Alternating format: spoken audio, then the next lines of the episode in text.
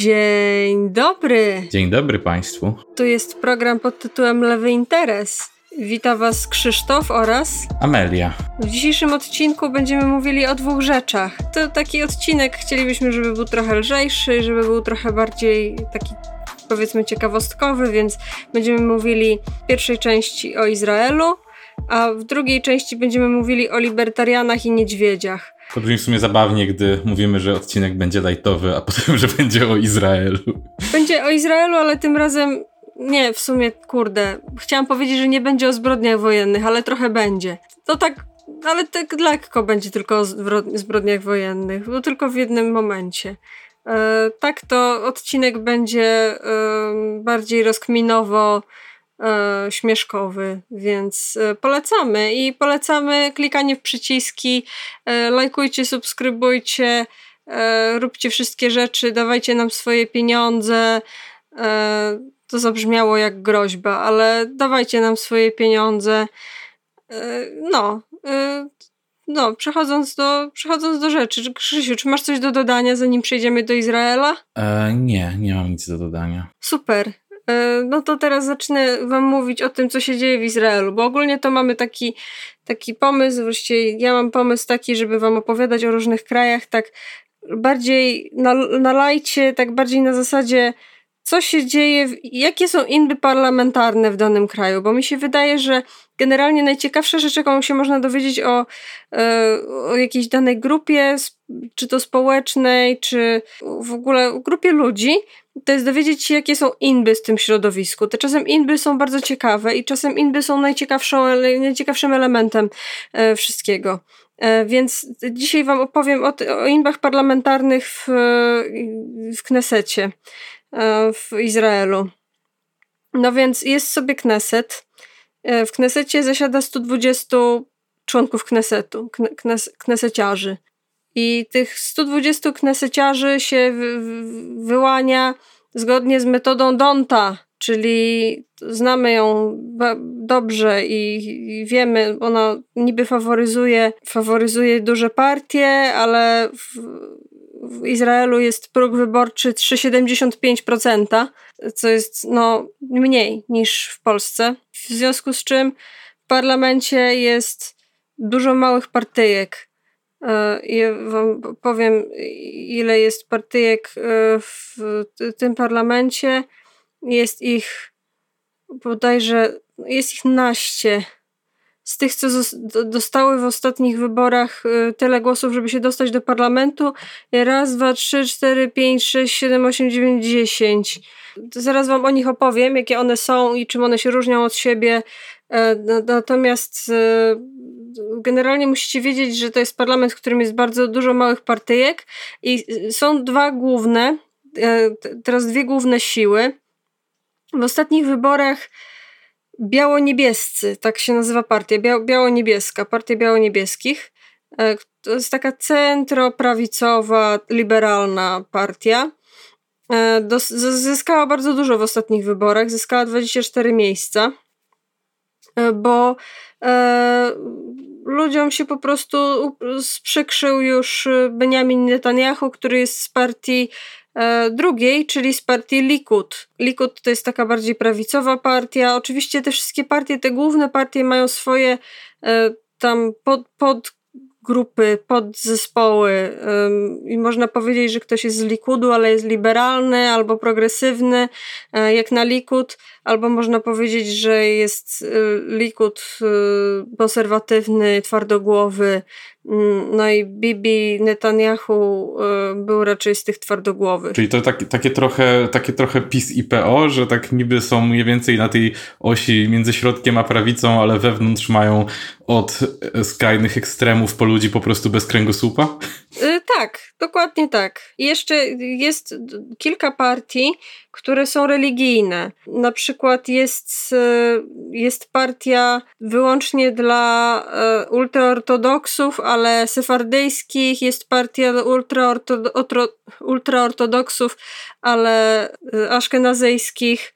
Obecnie w ogóle w Izraelu na, na początku tej, tej migracji było tak, że, że większość stanowili Żydzi aszkenazyjscy z Europy, ale teraz to się zmieniło i teraz jest większość syfardyjska, a, a mniejszość aszkenazyjska. Więc to jest to coś, co musicie wiedzieć. No i w, typ, który jest założycielem i szefem partii socjaldemokratycznej w Izraelu się nazywa, zgadnij jak? Nie wiem. Zandberg. Mówię poważnie, no to, nie, to, czekaj, to nie jest typ, to jest typiara, to jest Tamara, pani Tamara Zandberg. Um, tak, ta, ta, pani Tami Zandberg jest, y, jest szefową partii soc, socdemków.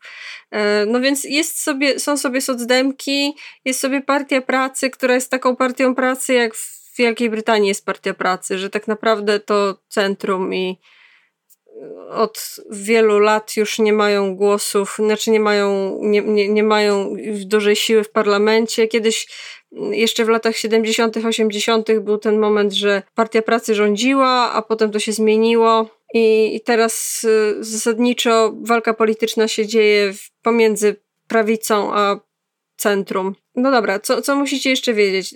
Jest jeszcze facet, który się nazywa Wiktor Lieberman który jest szefem partii, która w ogóle jest ciekawa, bo jej elektoratem przez dłuższy czas byli Żydzi rosyjskojęzyczni, Żydzi z, Żydzi z, z byłego Związku Radzieckiego, którzy tam sobie migrowali. E, teraz to się zmieniło, bo to jest po prostu starzejąca się, starzejąca się część Izrael, Izraela, która po prostu wymiera. E, więc trochę się zmienił, zmienił profil demograficzny tej partii. Partia się nazywa Izrael Beteinu, Beteinu i e, Wiktor Lieberman się zaraz pojawi, bo to, to jest postać, która ma znaczenie dalej. E, on generalnie jest facetem, który się nie chciał zbratać z nikim, który zaraz, zaraz zresztą wam o tym opowiem.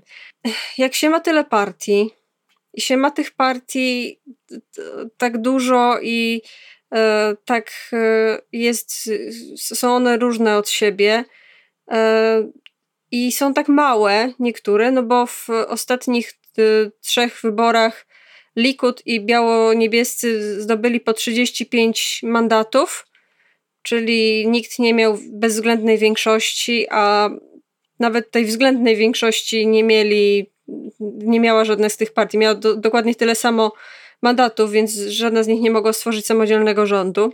Więc yy, dobra, musimy zrobić koalicję.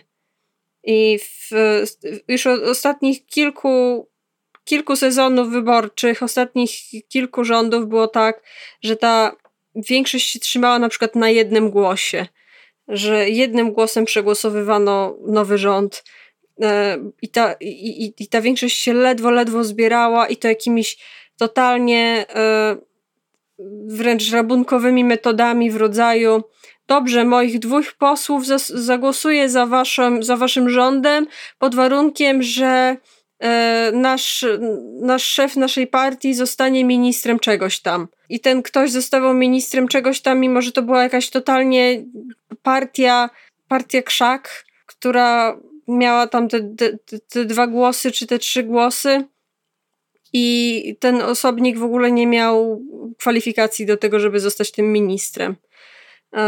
Więc y, tak to wyglądało. No i w ostatnich trzech wyborach, bo, bo to już mówimy o trzech takich wyborach, o których będę mówiła łącznie, bo w sumie wystąpiła ta sama sytuacja trzy razy. Likud i biało-niebiescy wygrali, wygrali wybory dwie partie wygrały wybory, bo każda dostała 35 mandatów i każda miała e, na, na celu stworzenie rządu. Generalnie Netanyahu próbował stworzyć rząd, nie był w stanie.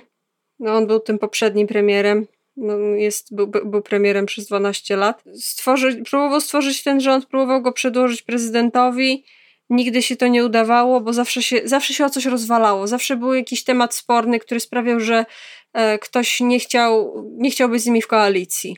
I dlatego nie był w stanie stworzyć tego koalicyjnego rządu. E, tutaj wchodzi Wiktor Lieberman, bo Avigdor Lieberman, ten, ten od tych rosyjskich Żydów, y, nie chciał być ani w koalicji z lewicą, ani w koalicji z prawicą, bo lewica chciała być y, w, w, koalicji z y, listą arabską, a prawica chciała być w koalicji z listą mniejszości, znaczy grup religijnych żydowskich on nie chciał być ani po jednej, ani po drugiej stronie, więc postanowił wszystko zawetować i zawinąć się. Dlatego trochę przyblokował wszystkim, wszystkim interes. Znowu była kolejna sytuacja za Wiktorem Liebermanem taka, że teraz przy tych ostatnich wyborach chciano stworzyć rząd, e, ale poszło właśnie o te, temat Wiktora Liebermana, bo on był przeciwny e, daniu dodatkowych praw do, do unikania e, służby wojskowej. E, ultraortodoksyjnym Żydom, bo normalnie był taki, był taki, była taka propozycja, żeby, e, nie, żeby Żydzi, którzy są w szkole, jak to się mówi, rabinackiej, którzy e, się, się kształcą religijnie, nie musieli iść do wojska. Tak, bo tam ogólnie obowiązek jest e, służby wojskowej jest taki, dotyczy wszystkich, nie? W sensie praktycznie nikt nie ma, nie ma, jak w Polsce niby też dotyczy na wszystkich mężczyzn, ale bardzo łatwo było się z tego wykręcić, w sensie bardzo łatwo. Było dużo przypadków, w których mogli ci to darować, nie? A tam rzeczywiście niezależnie od płci, wykształcenia i tak dalej się po prostu idzie do tej służby, nie? Tak, idzie się, tylko właśnie w tych y, ultraortodoksyjnych y, grupach nie trzeba iść. Mm. I, I, to jest wielki temat sporny. Jest o to inba na okrągło i właśnie była ta propozycja, żeby te osoby, które są, są ortodoksyjnie kształcone, nie musiały iść do wojska. On był przeciwny temu i oto się rozwaliła koalicja, która sprawiła, że trzy razy musiano robić przedterminowe wybory. Trzy razy w ciągu półtora roku i za każdym razem wychodziło, że Likud miał 35 głosów, znaczy 35 mandatów, e, biało-niebiescy też mieli 35, albo ewentualnie jeden troszeczkę więcej, na przykład 36 e, Likud dostał raz, ale i tak nie byli w stanie stworzyć e, rządu większościowego. I tak nie, był, nie byli w stanie w ogóle stworzyć żadnego rządu. Kończyło się na kolejnych przeterminowych wyborach. I przez ten czas zawsze y, premierem, takim zastępcą premiera, premierem tymczasowym był Benjamin Netanyahu, który był wcześniej po prostu. Co jest ciekawe, że no, to, to otwierało drzwi do tego, żeby, żeby te małe partie tak naprawdę rządziły i miały nieproporcjonalnie dużą władzę. I to się właśnie wydarzyło w, w tym roku, teraz, ten tydzień temu, podczas tej koalicji, która miała miejsce e, ostatnio. No bo tak, najpierw w kwietniu 2020 e, roku ustalono ostatecznie, że będzie rząd rotacyjny, że przez pierwsze 18 miesięcy kadencji premierem będzie Netanyahu, potem drugie 18 miesięcy Benny Gantz, który jest szefem biało-niebieskich, to jest w ogóle były, były generał, który się mówi, że słabo mu idzie bycie politykiem, bo był, ale za to był dobrym żołnierzem, więc na tym zrobił karierę polityczną. No więc ten Benny Gantz i Netanyahu, którzy się nienawidzą, y, mieli podzielić się kadencją. Śmieszny w ogóle układ taki. Trochę, trochę niezręcznie to brzmi. I to nawet nie jest cała kadencja, w sensie to, z, z, to, to było tak, że półtora roku jeden, półtora roku drugi, czyli razem trzy lata, a potem ostatni rok kadencji miał być, to tak, no zdecydujemy. Zobaczymy. Przejdziemy ten most, kiedy do niego dojdziemy. Tak to wyglądało. No i e, ostatecznie Netanyahu sobie porządził rok do teraz. W tym czasie e, z, zawiązała się koalicja przeciwko niemu. Koalicja siedmiu partii i one już są całkowicie różne. To Wam opowiem o nich teraz. E, jest tak, jest siedem partii, z tego co pamiętam, jest tak. Mm, Jeż Atid. Jeż Atid to znaczy jest przyszłość. One, te wszystkie nazwy są wspaniałe, tych, tych różnych partii. E, była partia Naprzód, Kadima, która, która już nie istnieje. I, i zaraz wam powiem te wszystkie, te, te, o tych wszystkich partiach. Jesh Atit to jest partia taka centrowa. Słyszałam porównanie, że to jest trochę jak ruch Hołowni. Jego szefem jest Jair Lapid, który, do którego zaraz przejdziemy. I to jest ta jakby trzecia, powiedzmy, że trzecia siła w parlamencie. Więc w koalicji bierze udział Jesh Atit, biało-niebiescy, Partia Pracy, tak zwana Partia Pracy, Izrael Beteino, czyli ta partia Wiktora e, Libermana, partia Nowa Nadzieja, Lip, Lipki, Lipki Izrael 4, Nowa Nadzieja. Tak. Lipki z Nowej Nadziei, Merec, czyli to, to, ci od pani, pani Tamary Zandberg, czyli socdemki. Tak się łatwo zapamiętuje, co nie? Że Zandberg to socdemki. No i, e, i dwie ostatnie partie, najbardziej egzotyczne, e, czyli Jamina, partia Ram, Ram to jest skrót od, to jest hebrajski skrót od nazwy pełnej, czyli e, Zjednoczona Lista Arabska. To kiedyś, kiedyś było dużo małych partyjek e, arabskich, one się potem zjednoczyły w jedną listę, jedną koalicję i e, teraz mają jedną, jedną listę, która właściwie nie jest jedną partią, tylko jest po prostu no, koalicją. Coś jak lewica w Polsce. Albo jak konfederacja albo Konfederację. Więc y, i, i ci Arabowie zazwyczaj są bardziej lewicowi niż prawicowi i y, są oczywiście za większymi prawami dla, dla Arabów i dla Palestyńczyków. Y, są za rozwiązaniem, żeby dwupaństwowym, żeby było państwo dla Palestyńczyków, ale też są lewicowi i są tam nawet, może nie w parlamencie, ale w, generalnie w partii, w tych strukturach są e, komuniści arabscy, więc yy, szanujemy. Jest partia Jamina. Jamina to znaczy w prawo. Jamina to jest właśnie w, w prawo i to jest partia, która obecnie ma, niech no ja zobaczę, siedmiu, siedmiu posłów. Siedmiu kneseciarzy. Jej szefem jest Naftali Bennett. No i historia z Naftalim Bennettem była taka, że zbierali głosy, żeby zrobić tą koalicję, żeby ona miała większość. No i przyszli do partii Jamina, do, do partii Naftalego Bennetta i on powiedział, że on może zagłosuje, ale tylko jeśli on będzie premierem. Więc koleś, który dostał 3% głosów, czy jakoś coś, coś w tym stylu, został premierem. Bo po prostu, po, po prostu po, po prostu miał odwagę zapytać, czego wezmą. miał odwagę poprosić. Więc e, pozdrawiamy. W ogóle Naftali Bennett jest e, ciekawą postacią i to jest, jest ciekawą postacią, ale ja nie oglądam niestety TVN, oglądam fakty TVN-u. To było w ogóle śmiesznie, śmiesznie to oglądać, że w TVN-ie mówią o nim, że jest biznesmenem i byłym komandosem ale jakoś tak tań, tańczą wokół tego, żeby nie mówić o tym dokładnie, co on robił jako ten komandos. Dosłownie dokonał zbrodni wojennej. W taki udowadnialny, niepodważalny sposób i nikt tego nawet nie kwestionuje w dzisiejszych czasach. E, w, w Izraelu.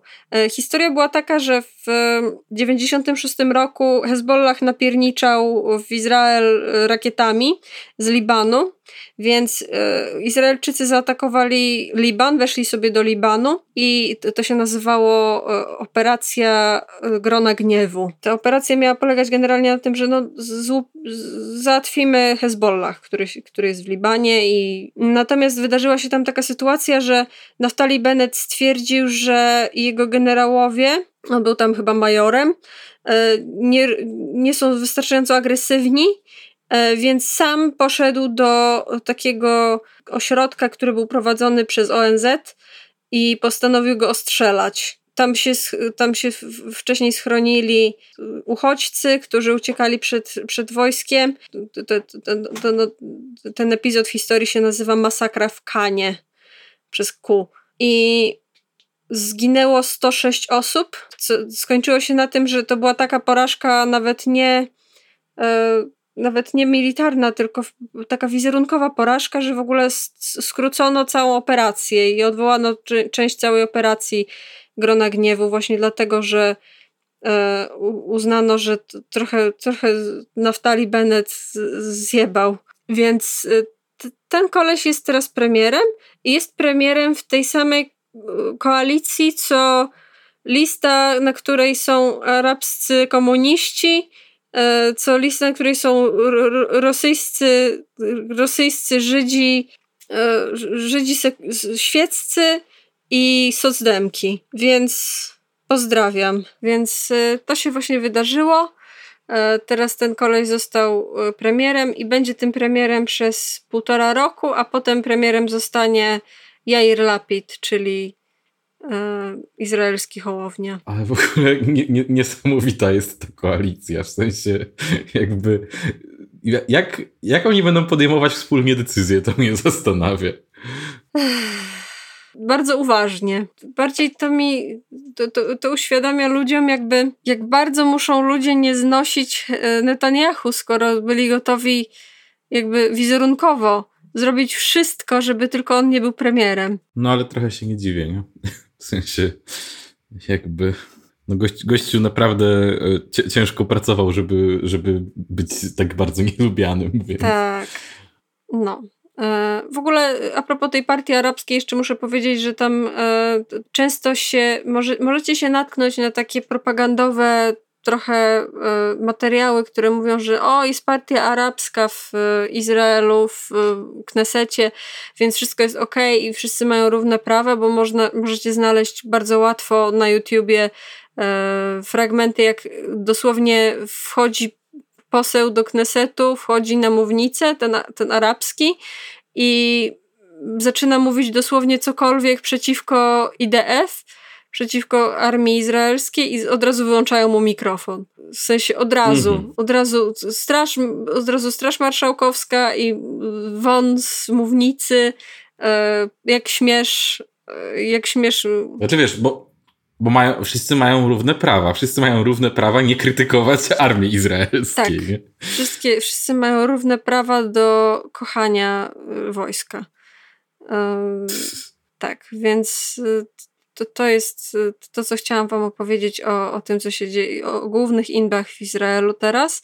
Jeszcze była inba e, izraelska, ale to mniej ważne, ale Wam to opowiem, e, że była inba o, o bycie, o konwersję, o, o bycie, o, kto, o to, kto jest Żydem, bo to ma znaczenie mm. dla tego, kto jest e, przyjmowany do Izraela, kto dostaje obywatelstwo, czy jesteś prawdziwym Żydem, czy nieprawdziwym Żydem.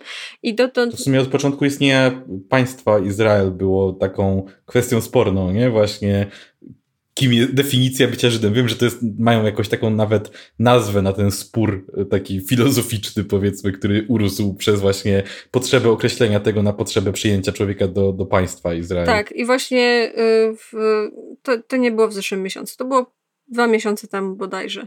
E, zmieniono prawo tak, y, że było bardziej na niekorzyść tych y, ortodoksyjnych Żydów, bo dotąd wyłącznie brano pod uwagę e, konwersje, e, konwersje ortodoksyjne, jak byłeś na przykład Żydem konserwatywnym a, albo reformowanym, a takich przyjeżdża do Izraela bardzo dużo, bo tacy są głównie w Stanach, to nie dostawałeś obywatelstwa. Mm. I to zmieniono, tą decyzję zmieniono i bardzo się na to oburzyli ludzie y, ortodoksyjni szczególnie ten kler ortodoksyjny. Tak, to są, to są główne inby izraelskie. Polecamy serdecznie e, śledzić, bo to ciekawe. Teraz chciałabym przejść do zupełnie innego tematu.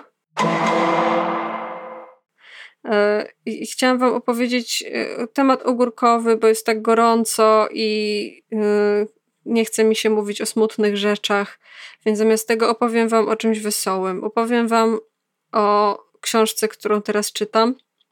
E, książce, e, która się nazywa ładnie po angielsku A Libertarian Walks into a Bear. I tam jest, to jest książka, którą bardzo polecam. Jeszcze jej całej nie przeczytałam, ale i tak polecam. E, która jest, e, zawiera się w niej historia. Ej, ale cześć, była beka, jakby się okazało, że na ostatniej stronie było napisane na przykład nie słuchajcie lewego interesu i właśnie poleciłaś coś takiego w ciemno. Wezmę, wezmę to, to, to ryzyko na siebie. Okej. Okay. Zro, zrobię to odpowiedzialnie. Dobrze, więc tak, historia jest taka, jest sobie miasteczko. Jest sobie miasteczko w New Hampshire w Stanach Zjednoczonych. To jest y, stan, który słynie z tego, że jest najbardziej liberalny, najbardziej libertariański z nich wszystkich. Jest mottem, e, mottem całego stanu jest wolność albo śmierć. I to jest, y, jakby ktoś się nie orientował, to jest jak, jak macie Nowy Jork, to to jest na północ. Można tak naj, najprościej tak to opisać. E, a że jest na północ i że jest generalnie przy samej Kanadzie, to jest tam zimno i jest tam dużo lasów i jest tam, są tam niedźwiedzie. By, była sobie tam e, miejscowość, która nazywa się Grafton ta miejscowość słynęła z tego, że już od 1777 roku, czyli rok po niepodległości Stanów Zjednoczonych, e, już e, odmawiała płacenia podatków. Już pisała do ówczesnej skarbówki, żeby proszę nie narzucać im podatków, bo tam jest zimno, nie rosną im plony, nie mają co im dać. E, dostali odpowiedź odmowną, i postanowili ją zignorować i po prostu przestali płacić podatki.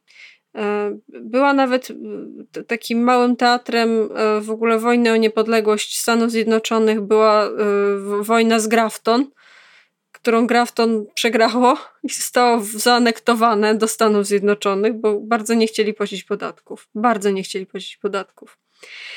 E, to jest kraj ludzi rządnych e, wolności od rządu. Więc e, tak, tak to wyglądało. I z tego powodu miasteczko to słynęło z bardzo mm, mocnej, silnej społeczności libertariańskiej i z tego, że ludzie, ta, bardziej z tego nie, że ludzie, którzy tam mieszkają są libertarianami, tylko że libertarianie tam przyjeżdżają jak do jakiegoś miejsca pielgrzymek. I że libertarianie bardzo lubią tam e, się, się osiedlać i zakładać tam osady swoje, e, więc Grafton to, to musicie wiedzieć, libertariańskie miasto. Oprócz tego, że jest to Libertariańska liber... Częstochowa. No i jeszcze musicie wiedzieć, że niedźwiedzie, niedźwiedzie tam mieszkają. Niedźwiedzie tam mieszkają i mieszkały. E, I jest ich tam bardzo dużo. Generalnie niedźwiedzie tak ogólnie to nie robią ludziom krzywdy. W sensie, no czasem robią, ale trzeba się bardzo postarać, żeby ci zrobił krzywdę niedźwiedź. Musisz pogłaskać jego dziecko albo coś w tym stylu. Musisz spróbować go zamordować, żeby on spróbował cię zamordować. Generalnie jak niedźwiedź cię widzi, to ucieka. E, jak, jak, jak jest bardzo głodny, to może spróbować cię zaatakować, ale wtedy po prostu kładziesz się, udajesz martwego, i one nie chcą jeść padliny, więc zostawią cię w spokoju. Zasadniczo y, no, da, dasz, dasz radę. Więc y, to, to tyle, wam, tyle wam powiem na razie o, o niedźwiedziach. E, no więc na forach internetowych zgadali się e, jakieś 10 lat temu e, libertarianie internetowi, żeby wszyscy przeprowadzić się na 3-4 do Grafton.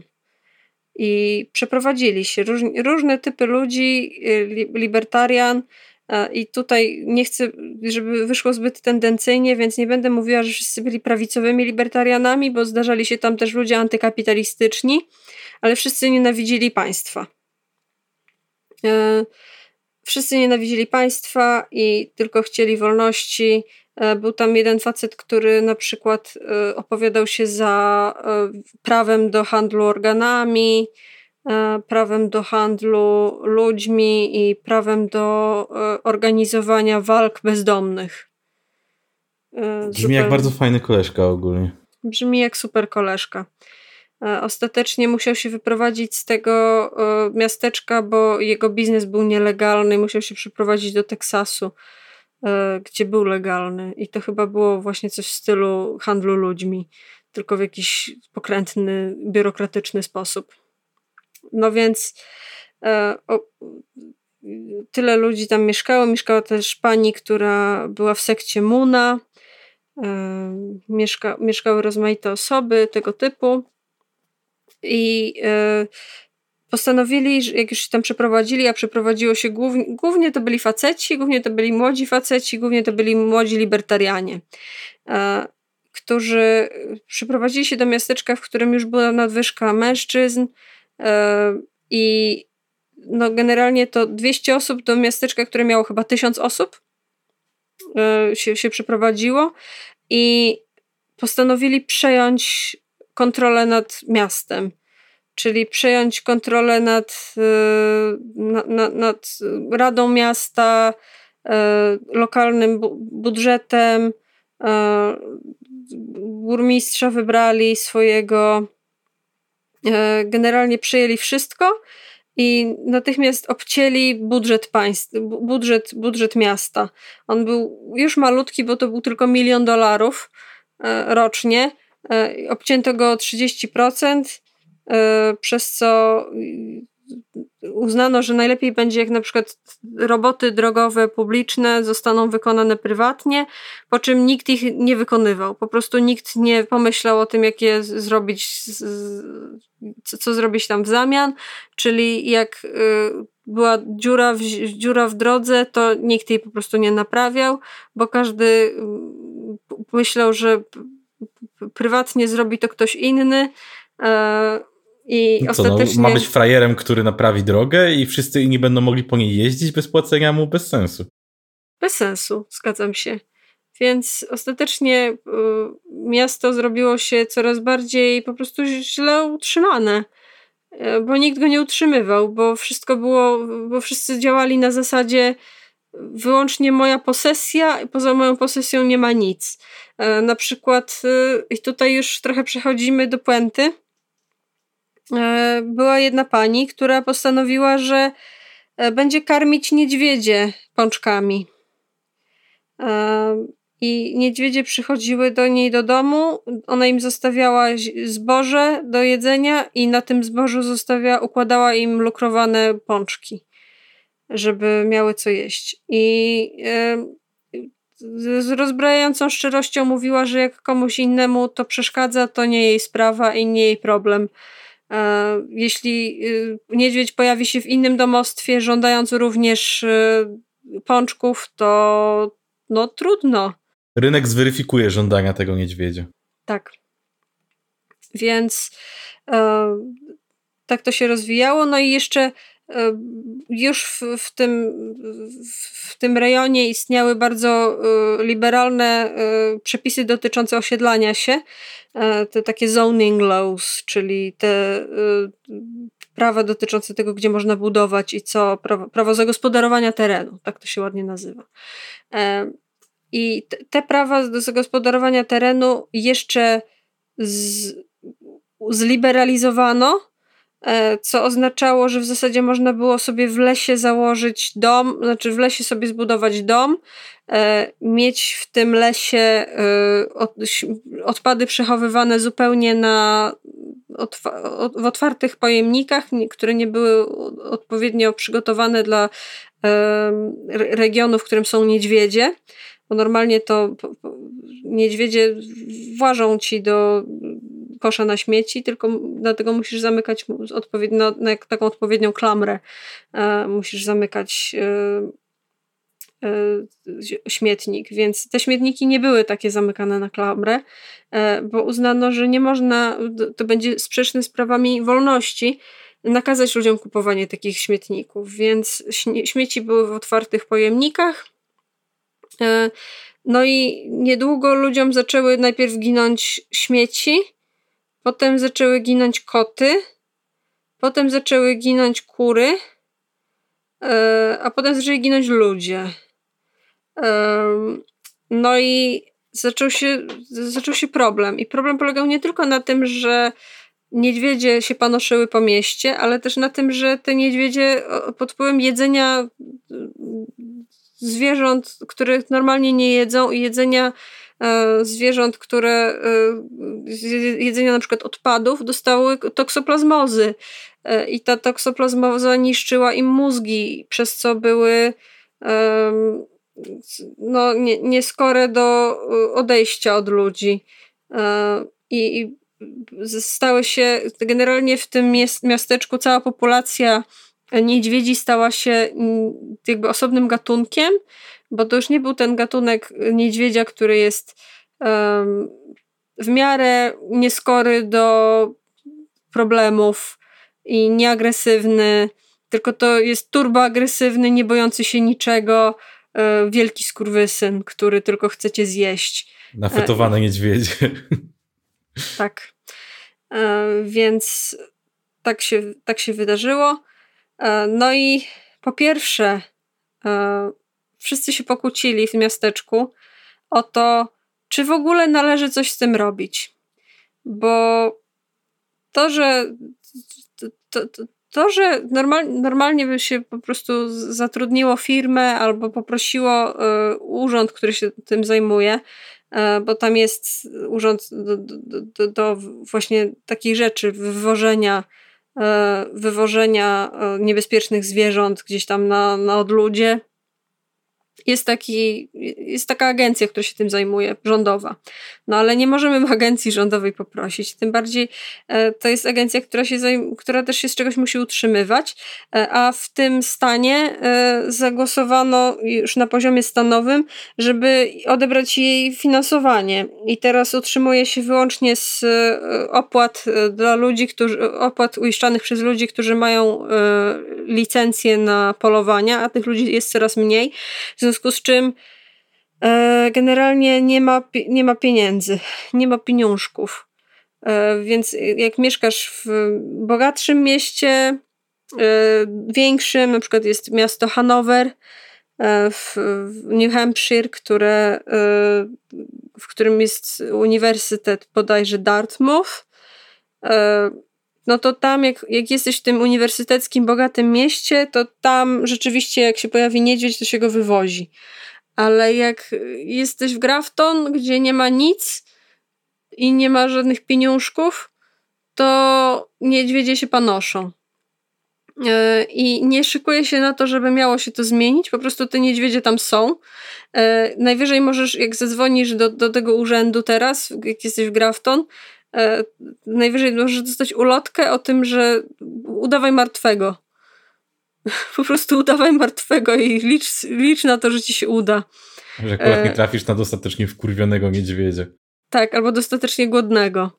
Jeszcze ciekawa rzecz jest taka, że ten problem będzie się powiększał, ponieważ im więcej susz na świecie, im więcej suchego klimatu, tym bardziej e, niedźwiedzie głodują, w związku z czym e, nie mogą zapaść sen zimowy, e, bo niedźwiedzie hibernują, tylko że tak częściowo, nie tak całkiem, tylko tak, że wstają na jakiś czas, kręcą się po swoich norkach, mm, ale y, no tak, normalnie powinny się hibernować na zimę, a nie mogą tego robić i muszą w ciągu zimy szukać y, sobie jadzonka, więc ten problem z niedźwiadkami, które będą atakować ludzi zimą, będzie się tylko powiększał, im więcej jest susz w ciągu reszty roku. To, to jest historia, którą wam opowiadam ku przestrodze. Też trochę mam taki mam trochę taką rozkminę, że to łatwo się nabijać z libertarian, w sensie prawicowych libertarian, że wiadomo, że e, jak jesteśmy tutaj lewakami, się nabijamy z tego, że prawica, e, wolny rynek, e, wol, prawo wolnego rynku, te rzeczy, ale myślę, że niektóre z tych problemów warto by było przedyskutować czy przemyśleć również w takich kontekstach liber, libertariańsko-lewicowych, bo jak sobie zaczęłam myśleć na temat tego, co przeczytałam e, choćby u Kropotkina e, w chleboksiążce, e, to sobie myślę, czy, czy, czy tak naprawdę bez jakiejś formy przymusu i jakiejś formy, że jednak jedna społeczność wpływa na drugą społeczność, przymusem, dałoby się rozwiązać ten problem.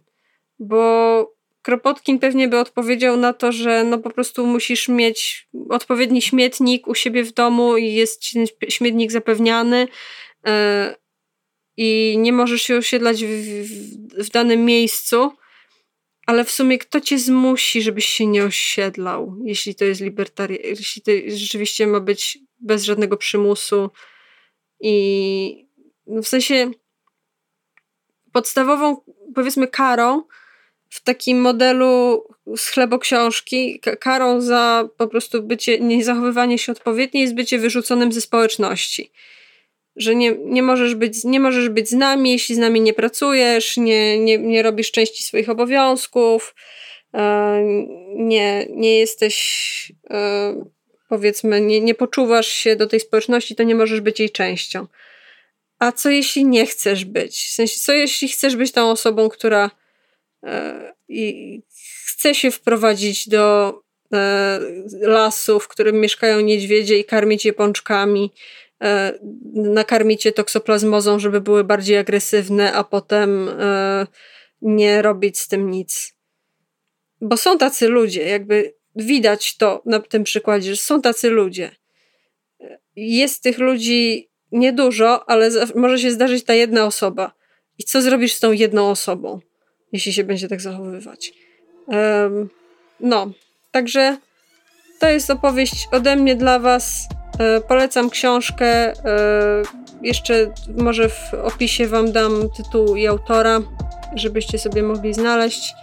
E, a tak to dziękuję Państwu za, za ten odcinek. Dziękujemy naszym dziękujemy. kochanym patronom. Czyli Anonim, MF, Łukasz Maciejewski, Tomasz Dubiel, kolega Tomka Popa, Jean, Dominik M, Michał Kolacha, Ewix, Sylwia i Konrad, Piotr Sowiński, Adusia i Adaś. Jej! Dziękujemy, Dziękujemy. bardzo. E, dziękujemy Wam i słyszymy się niedługo, niebawem. Pa, bardzo niedługo. Pa, pa. pa.